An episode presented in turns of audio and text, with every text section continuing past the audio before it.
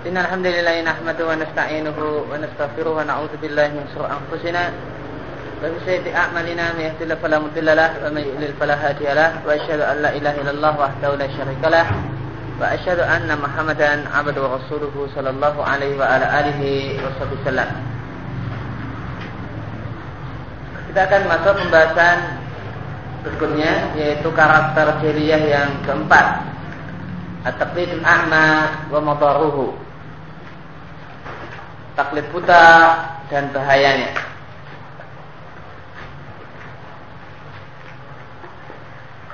Kalau al-musannif rahimallah inna dinahum mabniyun ala usulin a'zamuha at-taqlidu fahuwa al-qa'idatul kubra li jami'il kufar awalihim wa akhirihim Sesungguhnya agama orang-orang jahiliyah ini dibangun di atas beberapa prinsip, beberapa landasan. Yang paling penting adalah prinsip untuk taklid. Fawal qaidatul kubra maka ini adalah kaidah besar kaidah yang sangat-sangat penting li kufar yang dimiliki oleh semua orang kafir. Kata beliau, awalihim wa akhirihim sejak dulu hingga sekarang. Sebagaimana firman Allah Subhanahu wa taala, "Wa kadzalika ma arsalna min qablik" dan demikianlah tidaklah kami utus sebelummu di qaryatin di satu kampung min nadirin seorang utusan illa qala mutrafuha. Kecuali berkatalah orang-orang yang hidup mewah di antara mereka inna wajadna aba'ana sesungguhnya kami dapatkan nenek moyang kami ala ummatin menganut suatu agama. Melaksanakan berbagai ritual tertentu. Wa inna ala asarihim muqtadun. Dan kami adalah cuma mengikuti jejak-jejak mereka. Demikian juga firman Allah wa idza dan jika dikatakan kepada mereka orang-orang kafir ittabi'u ma anzalallah ikutilah apa yang Allah turunkan. Kalau mereka mengatakan bal nattabi'u ma wajadna alaihi aba'ana Bahkan kami hanya akan mengikuti apa yang kami dapatkan dilakukan oleh nenek moyang kami.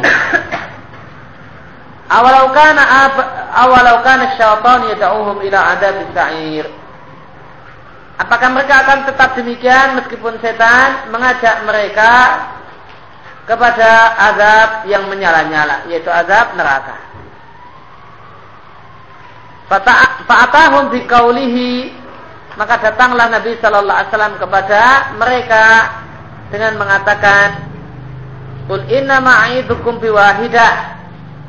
Katakanlah wahai Rasulullah Shallallahu Alaihi Wasallam, aku hanya mengingatkan kalian untuk melakukan satu hal. Antakumulillah adalah kalian berdiri karena Allah Subhanahu Wa Taala, matna wa furoda dua orang ataupun sendiri-sendiri. Dua-dua ataupun sendiri-sendiri. Thumma tatafakkaru Kemudian adalah kalian berpikir Menimbang dalam-dalam Tentang apa yang dibawa oleh Apa yang diajarkan oleh Rasulullah Sallallahu Alaihi Wasallam Nabi sahibikum min jinnah Maka sesungguhnya tidak ada Tidaklah sahabat kalian Yaitu Rasulullah Sallallahu Alaihi Wasallam Min jinnah Terkena penyakit gila. Tidaklah sahabat kalian adalah seorang yang gila. Demikian juga firman Allah Subhanahu wa taala, "Ittabi'u ma unzila ilaikum mir rabbikum." Ikutilah hukum atau ketentuan yang diturunkan kepada kalian dari Rabb kalian. Wala tattabi'u min dunihi awliya. Jangan kalian mengikuti min dunihi awliya hal-hal selain Allah Subhanahu wa taala wali-wali yaitu sesembahan tandingan-tandingan selain Allah Subhanahu wa taala. Karena mereka menjadikan orang-orang soleh dan walilah sebagai tandingan-tandingan untuk Allah. Kalilah mata dakarun betapa sedikit kalian mengambil pelajaran.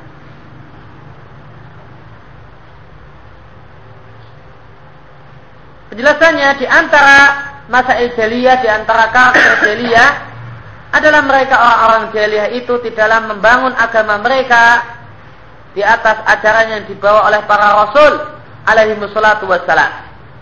Akan tetapi mereka membangun agama mereka di atas prinsip-prinsip, di atas landasan-landasan yang mereka buat-buat sendiri min ang, min ing di angfusihim murni dari hasil pemikiran mereka sendiri. Namun anehnya wala yakbaluna tahawula anha akan tetapi mereka tidaklah menerima jika diajak untuk berpindah dari prinsip-prinsip tersebut. Di antara prinsip mereka adalah at-taklid. Taklid secara bahasa maknanya al-muhaka. Mencontoh. Meniru.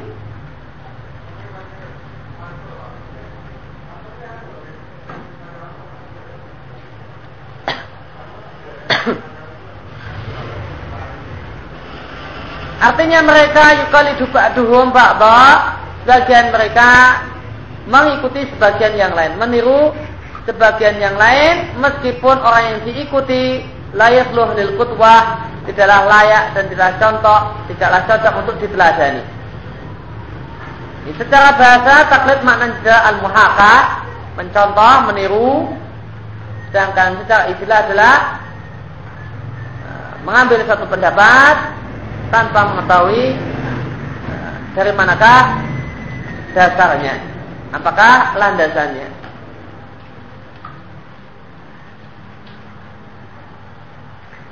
Mengambil satu pendapat, satu perkataan yang perkataan tersebut bukanlah dalil tanpa mengerti dari mana sumbernya dan landasannya.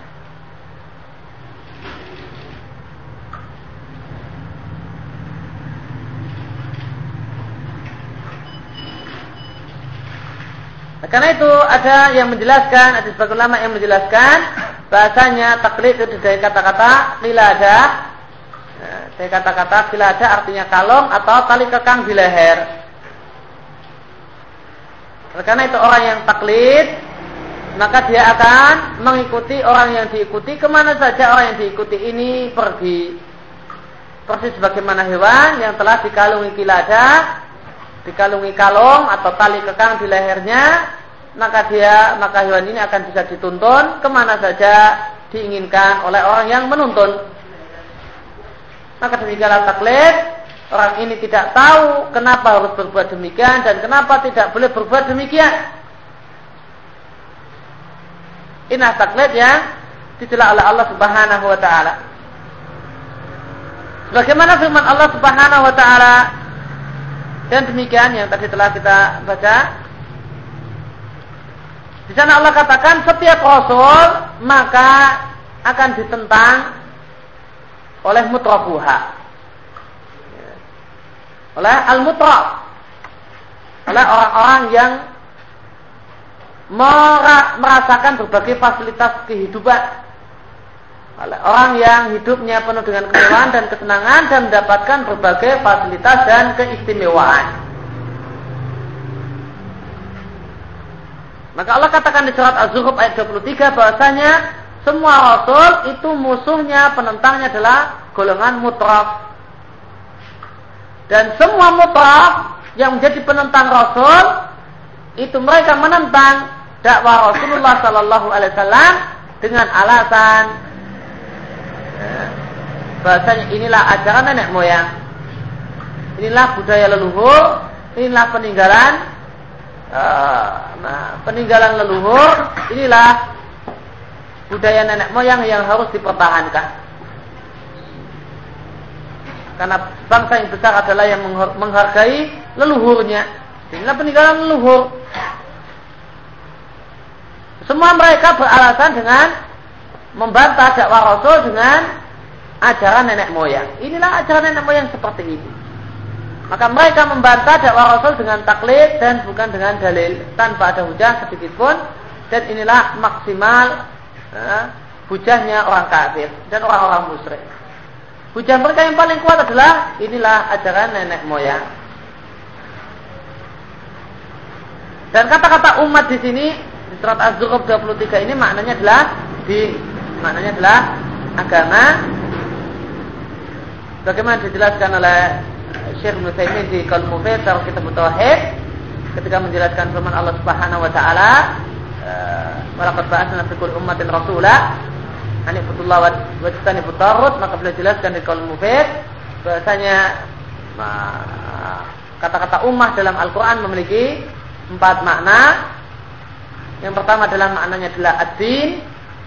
Bagaimana di sini surat Zuhruf ayat 23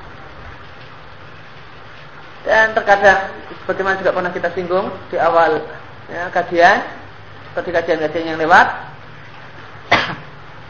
Makna yang kedua adalah sekelompok manusia bagaimana di surat An-Nahl ayat yang ke-36 walaqad ba'atsna fi kulli ummatin rasulan kami utus ada setiap umat itu setiap kelompok manusia rasulan seorang utusan dan yang ketiga adalah maknanya adalah zaman waktu sebagaimana uh, firman Allah di surat Yusuf tentang teman penjara Yusuf yang bebas dari penjara.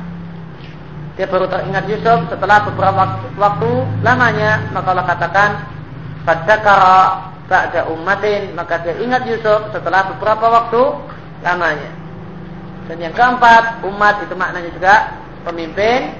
Sebagaimana firman Allah di surat An-Nahl tentang Nabiullah Ibrahim karena Inna Ibrahim karena umatan qanitan um, uh, ummatan hanifan qanitan Inna Ibrahim karena umatan Tentunya Ibrahim adalah seorang pemimpin Seorang yang qanit, seorang yang tunduk Seorang yang hanif Walam yakuminal musyrikin Dan bukanlah seorang yang musyrik.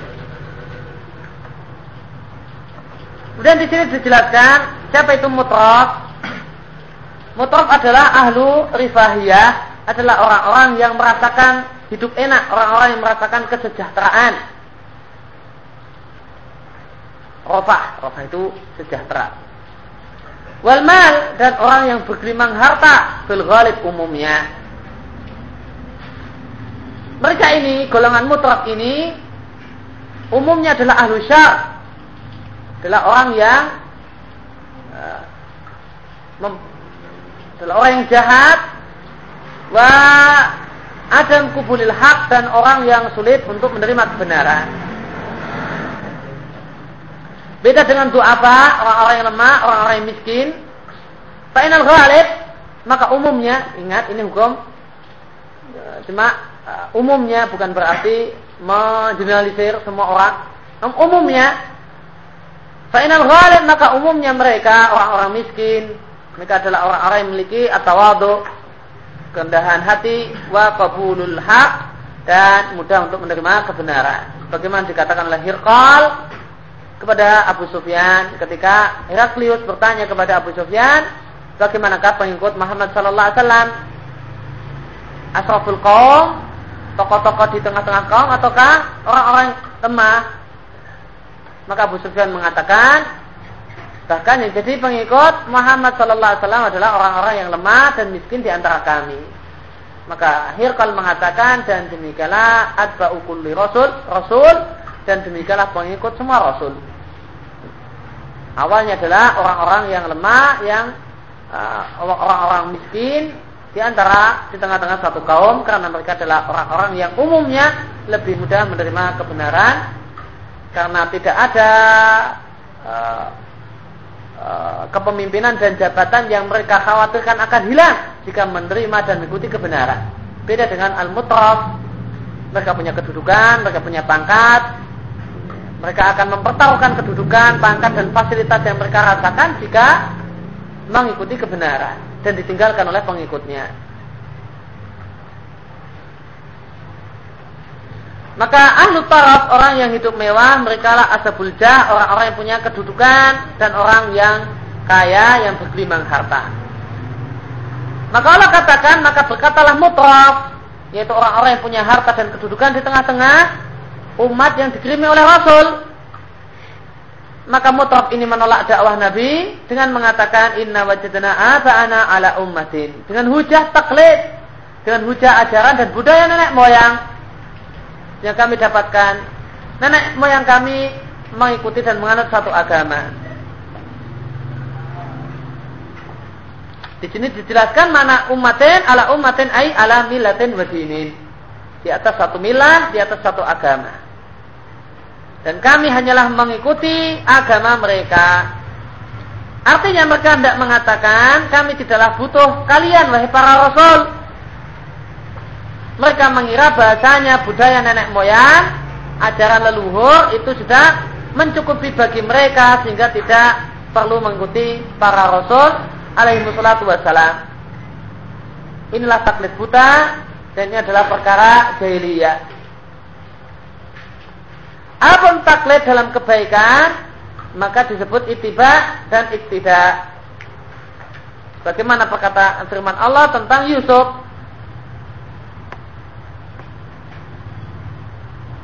Wattaba'tu millata abai dan aku mengikuti agamanya nenek moyangku Ibrahim, Ishak dan Yakub.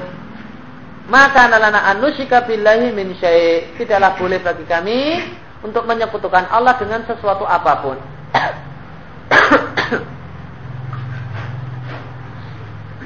Demikian juga istilah itiba yang Allah gunakan di surat al di surat At-Taubah ayat yang ke-100. Wasabiqunal awwaluna minal muhajirin wal ansar walladzina tabauhum bi ihsan. Dan orang-orang yang terdahulu masuk Islam yaitu muhajir dan ansar dan orang-orang yang mengikuti mereka dengan baik maka Allah janjikan untuk mereka ridha dan surganya. Maka di surat Yusuf Allah menggunakan mengikuti kebaikan dengan istilah ittiba demikian juga di sini.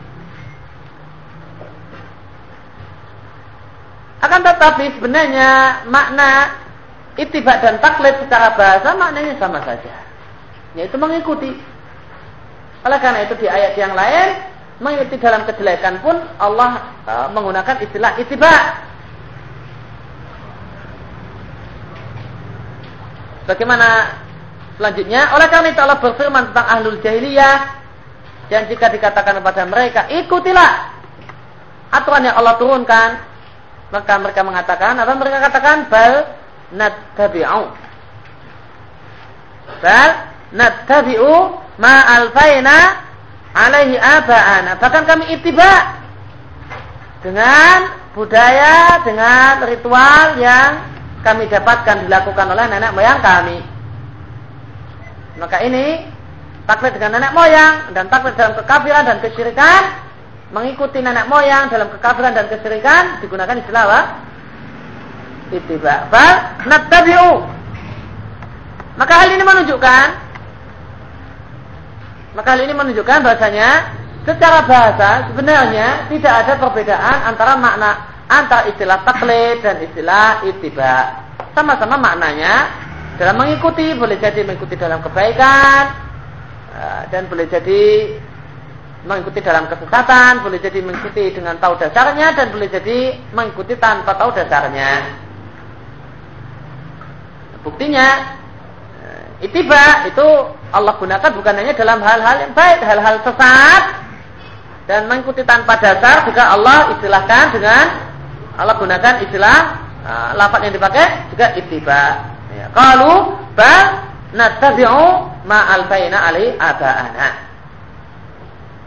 Maka sekali lagi maka ini adalah ayat dalil Bacanya itiba dan taklid secara bahasa maknanya sama, yaitu mengikuti boleh jadi baik, dalam kebaikan, boleh jadi dalam keburukan, boleh jadi dengan dasar ilmu dan boleh jadi tanpa dasar ilmu. Itibak pun juga bisa digunakan dalam keburukan dan dalam e, mengikuti tanpa dasar ilmu. Dalilnya surat Al-Baqarah 170. Adapun pembedaan itiba adalah demikian dan taklid adalah demikian. E, Itiba adalah mengikuti sesuatu dengan mengetahui dasarnya dan dalilnya, sedangkan taklid adalah jika tidak mengetahui dasar dan uh, dasar dan ilmunya, maka ini adalah makna istilah.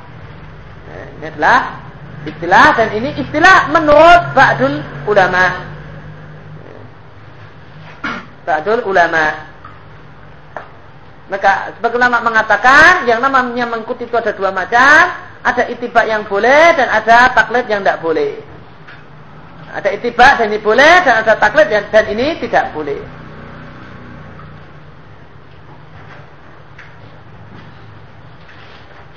Sebagian ulama lain mengatakan yang namanya itiba, yang namanya taklid itu ada dua macam, ada taklid yang boleh dan ada taklid yang tidak boleh.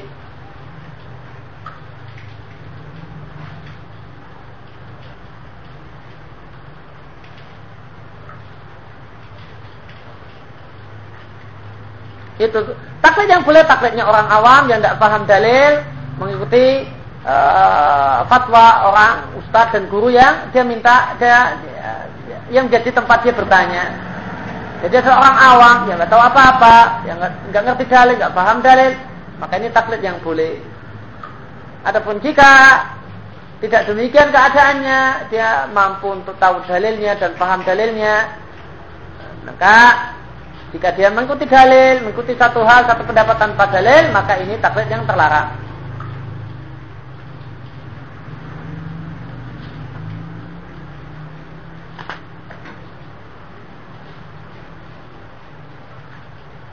Allah katakan, awalau kana abahum la ya'kuluna syai'aw wa la yahtadun. Apakah mereka akan tetap mengikuti nenek moyang mereka? Padahal nenek moyang mereka, simbah-simbah mereka itu layak kiluna syai'a. Itu orang-orang yang bodoh. Orang-orang yang bodoh. Orang-orang yang tidak bisa berpikir layak kiluna syai'a. Tidak bisa berpikir memikirkan sesuatu hal dengan baik dan mereka pun berbuat dan berpendapat bukan atas dasar wahyu. Walayah tadun dan mereka bukanlah orang yang mendapatkan hidayah yang berbuat berdasarkan ilmu dan wahyu. Maka Allah katakan, apakah kalian akan tetap mengikuti nenek moyang kalian padahal kalian lebih pintar daripada nenek moyang kalian? Kalian itu lebih cerdas, lebih pintar daripada nenek moyang kalian. Nenek moyang kalian itu layak kiluna syai'ah bodoh, tidak bisa mikir dan tidak bisa uh, mikir apa-apa, sudah bodoh, amalnya tanpa dasar wahyu, cuma dasarnya keinginan. Ini nenek moyangmu itu bodoh dan amalnya nggak pakai wahyu, kok tetap kamu ikuti? Kok tetap kamu ikuti? Kan lucu. Kalau orang yang punya akal yang baik, Kenapa mau maunya ikut orang bodoh? Orang bodoh ikut orang pintar, jangan orang pintar ikut orang bodoh.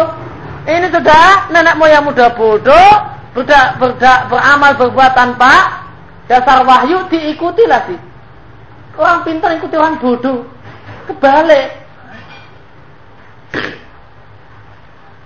Fala dilayak walayah tadi. Maka orang yang tidak orang yang tidak bisa berpikir, orang yang bodoh, Walayah tadi dan orang yang tidak berbuat dengan dasar wahyu itu adalah bukanlah bukanlah tempat, bukanlah sasaran yang layak untuk diteladani. Namun yang cocok jadi kutbah jadi teladan adalah orang yang yakin bisa berpikir, orang yang pintar, orang yang cerdas bisa berpikir, wiyah tadi dan orang yang beramal berdasarkan wahyu dan dalil. Maka taklid buta adalah termasuk karakter jahiliyah dan taklid buta ini disebut dengan ta'asub, dengan fanatik. Karena teladan yang benar adalah Rasulullah sallallahu alaihi wasallam dan orang-orang yang mengikuti Rasulullah sallallahu alaihi wasallam.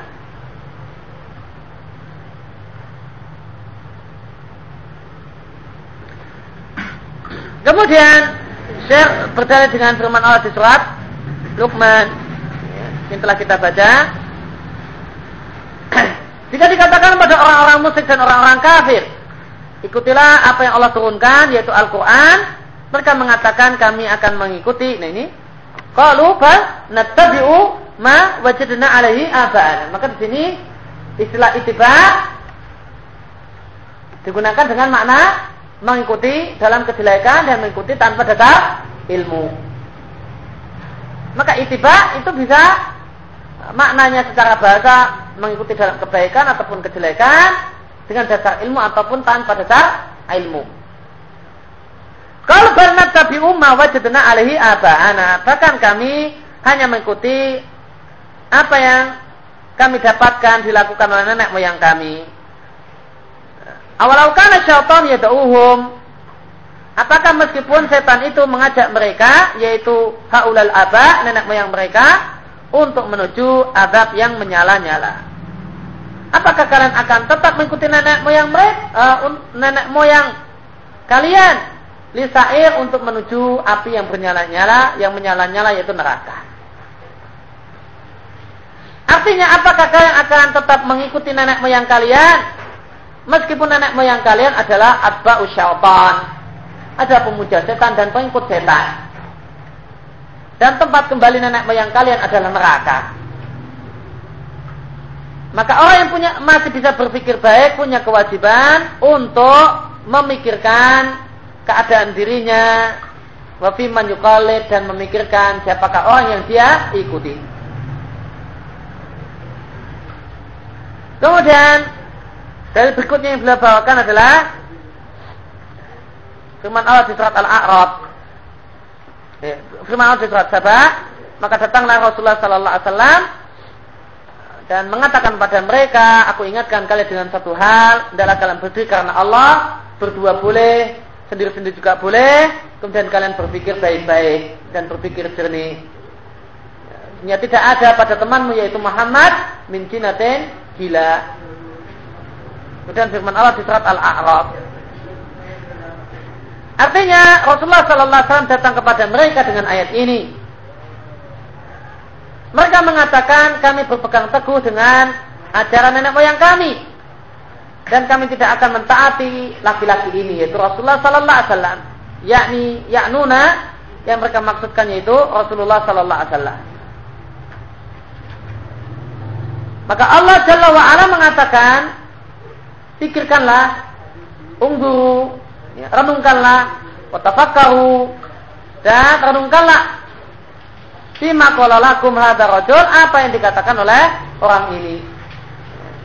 Dalam bahasa Arab nadharafi itu maknanya tafakkur, nama maknanya ta'amul. Berpikir dan merenung. Kalau melihat dengan mata kepala, bahasa Arabnya nadhara ila. Kalau nadhara fi ungduru fi ma qala lakum, nah makanya nadhara fi itu artinya merenung. Kalau melihat dengan mata kepala itu artinya nazara ila uh, apalah yang duruna ilal ibili kaifa khuliqat. Apakah mereka tidak melihat dengan mata kepala mereka bagaimanakah onta diciptakan? Sedangkan juga uh, nazara kemudian langsung bertemu dengan uh, objek makhluk B maka maknanya adalah menunggu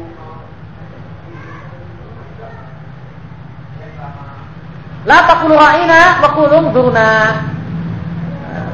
Orang-orang beriman janganlah kalian mengatakan ra'ina yang artinya menunggu tunggulah kami, menggantilah dengan istilah lain ungzurna. Ya, maknanya juga tunggulah kami. Maka nazara dalam bahasa Arab itu punya tiga makna. Jika langsung bertemu dengan maf'ul b, maka maknanya adalah uh, menunggu. Jika disambung dengan ila, maka maknanya melihat dengan mata kepala. Jika disambung dengan fi, maka maknanya adalah berpikir dan merenung.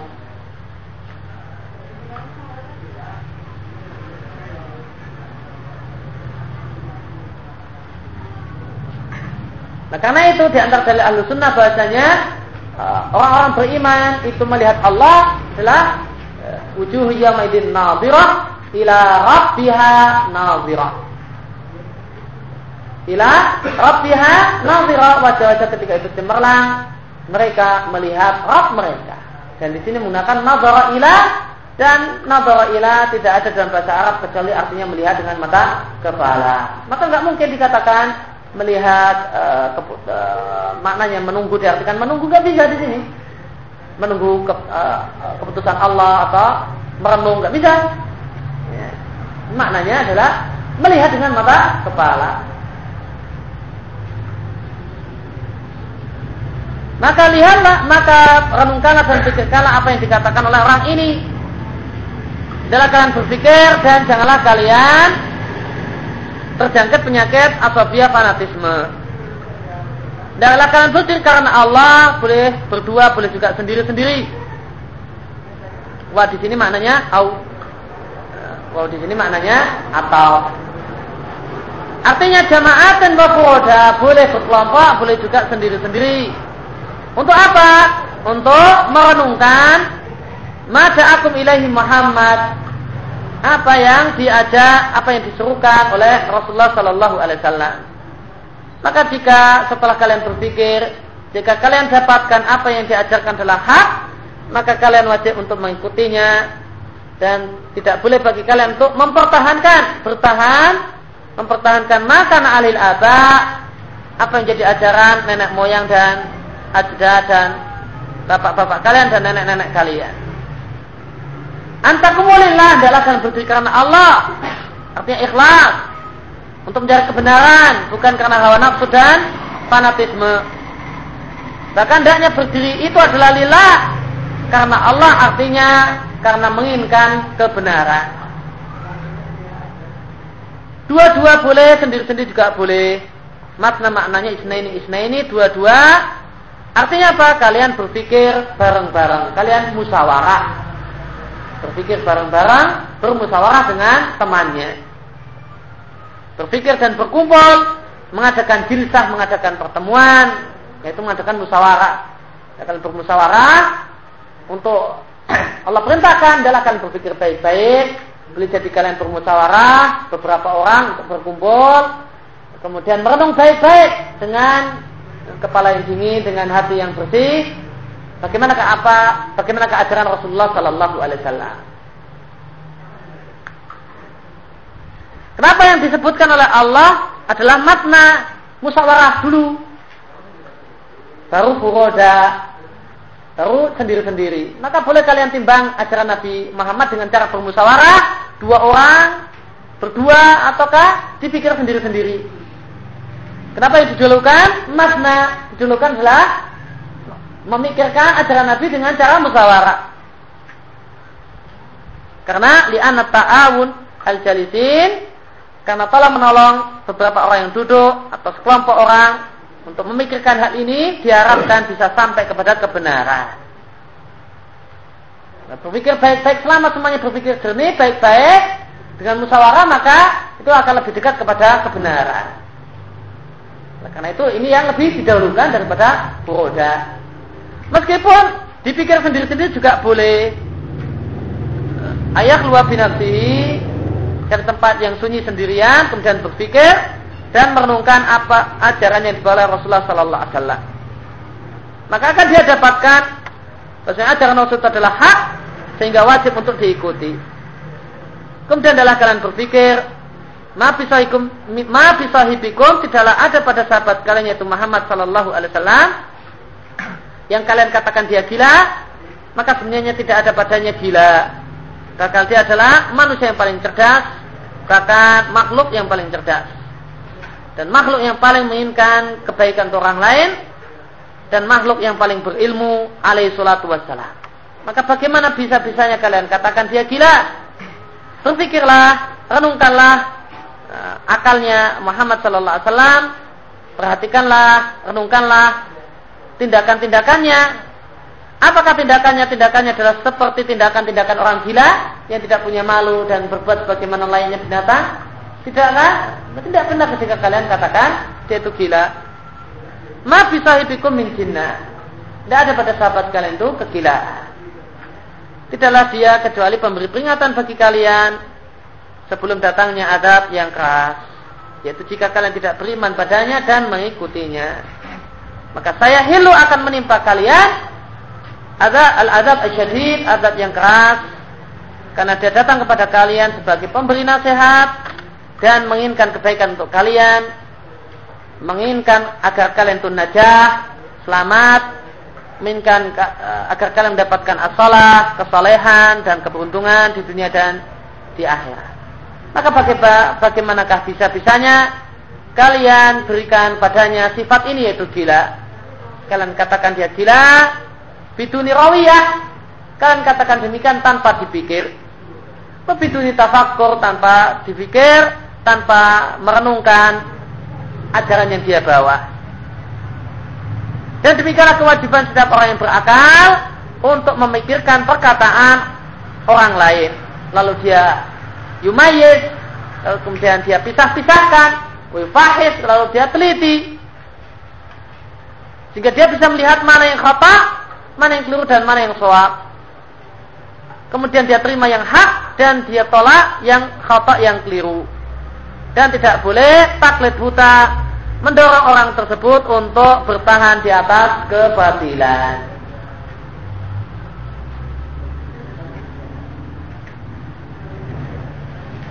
Ringkasnya sebagaimana dikatakan oleh Al-Imam Nul Qayyim rahimahullah taala di Zadul bahasanya taklid yang terlarang dan ini terlarang dengan ijma' salaf adalah tiga jenis taklid. Ada tiga jenis taklid yang kata, kata uh, Ibnu Qayyim merupakan taklid yang haram dengan ijma' ulama salaf. Yang pertama adalah taklid kepada nenek moyang ya, dengan maksud untuk menolak kebenaran. Dan jika nenek moyangnya itu sejalan dengan kebenaran, maka boleh-boleh saja.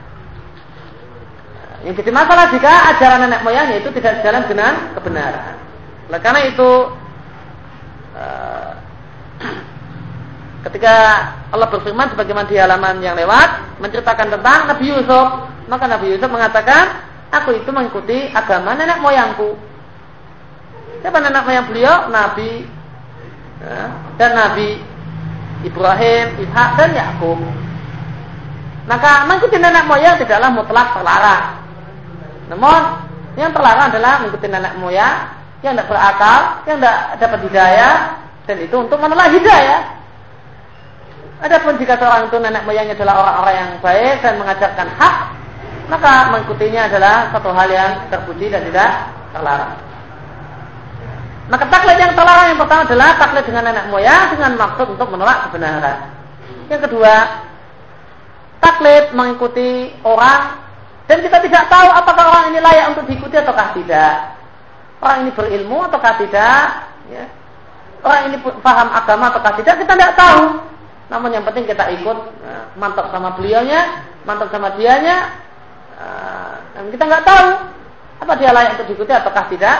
Dan inilah ya, bencana agama di masa ini, di mana orang jika dapat masalah, menghadapi satu masalah, maka dia akan bertanya tentang masalah agama kepada siapa saja yang dia temui. Boleh jadi temannya, boleh jadi tetangganya. Padahal dia tidak tahu tetangganya ini, bahkan dia tahu tetangganya ini sama bodohnya dengan dia. Sama bodohnya dengan dia, namun dia tanya kepada temannya, dia tanya kepada tetangganya, dia tanya sama Sahabatnya padahal tahu sahabatnya itu sama-sama bodoh sama dia. Atau bahkan lebih bodoh daripada dia. Ini tidak pernah ngaji, dia agak-agak pernah ngaji. Malah dia tanya kepada orang seperti ini. Makanya ada taklid yang haram dengan ijma salah. Kemudian yang ketiga ada taklid dengan pendapat seseorang setelah datang kebenaran. Dan inilah ta'asub. Inilah ta'asub yaitu mempertahankan satu hal yang salah setelah tahu kalau itu salah. Nah, inilah ta'asub. Inilah definisi pengertian ta'asub inilah fanatik. Yaitu bertahan nah, tetap mempertahankan satu hal yang salah padahal tahu itu jelas-jelas salah.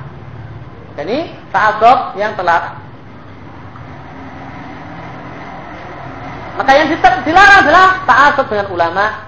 Adapun mengikuti fatwa ulama boleh, apa kita asal dengan fatwa ulama ini keliru.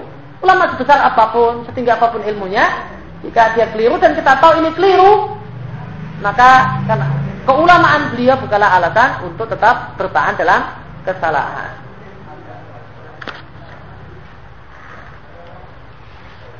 Ada taklidnya orang awam kepada orang yang berilmu karena dia nggak paham dalil, maka itu adalah taklid yang tidak terlarang. Jika boleh disebut taklid menurut sebagian ulama. Bagaimana uh, penamaan yang disebutkan oleh sebagian ulama. Ya, taklidnya ya, orang awam yang bertanya kepada orang yang berilmu kemudian mengamalkan apa yang difatwakan ini adalah taklid yang jaiz, taklid yang dibolehkan. Wassalamualaikum warahmatullahi wabarakatuh. wa ala alihi wasallam. Wa rada'wana alhamdulillahi rabbil alamin. Subhanaka wa bihamdika asyhadu an la ilaha illa anta astaghfiruka wa atubu ilaik.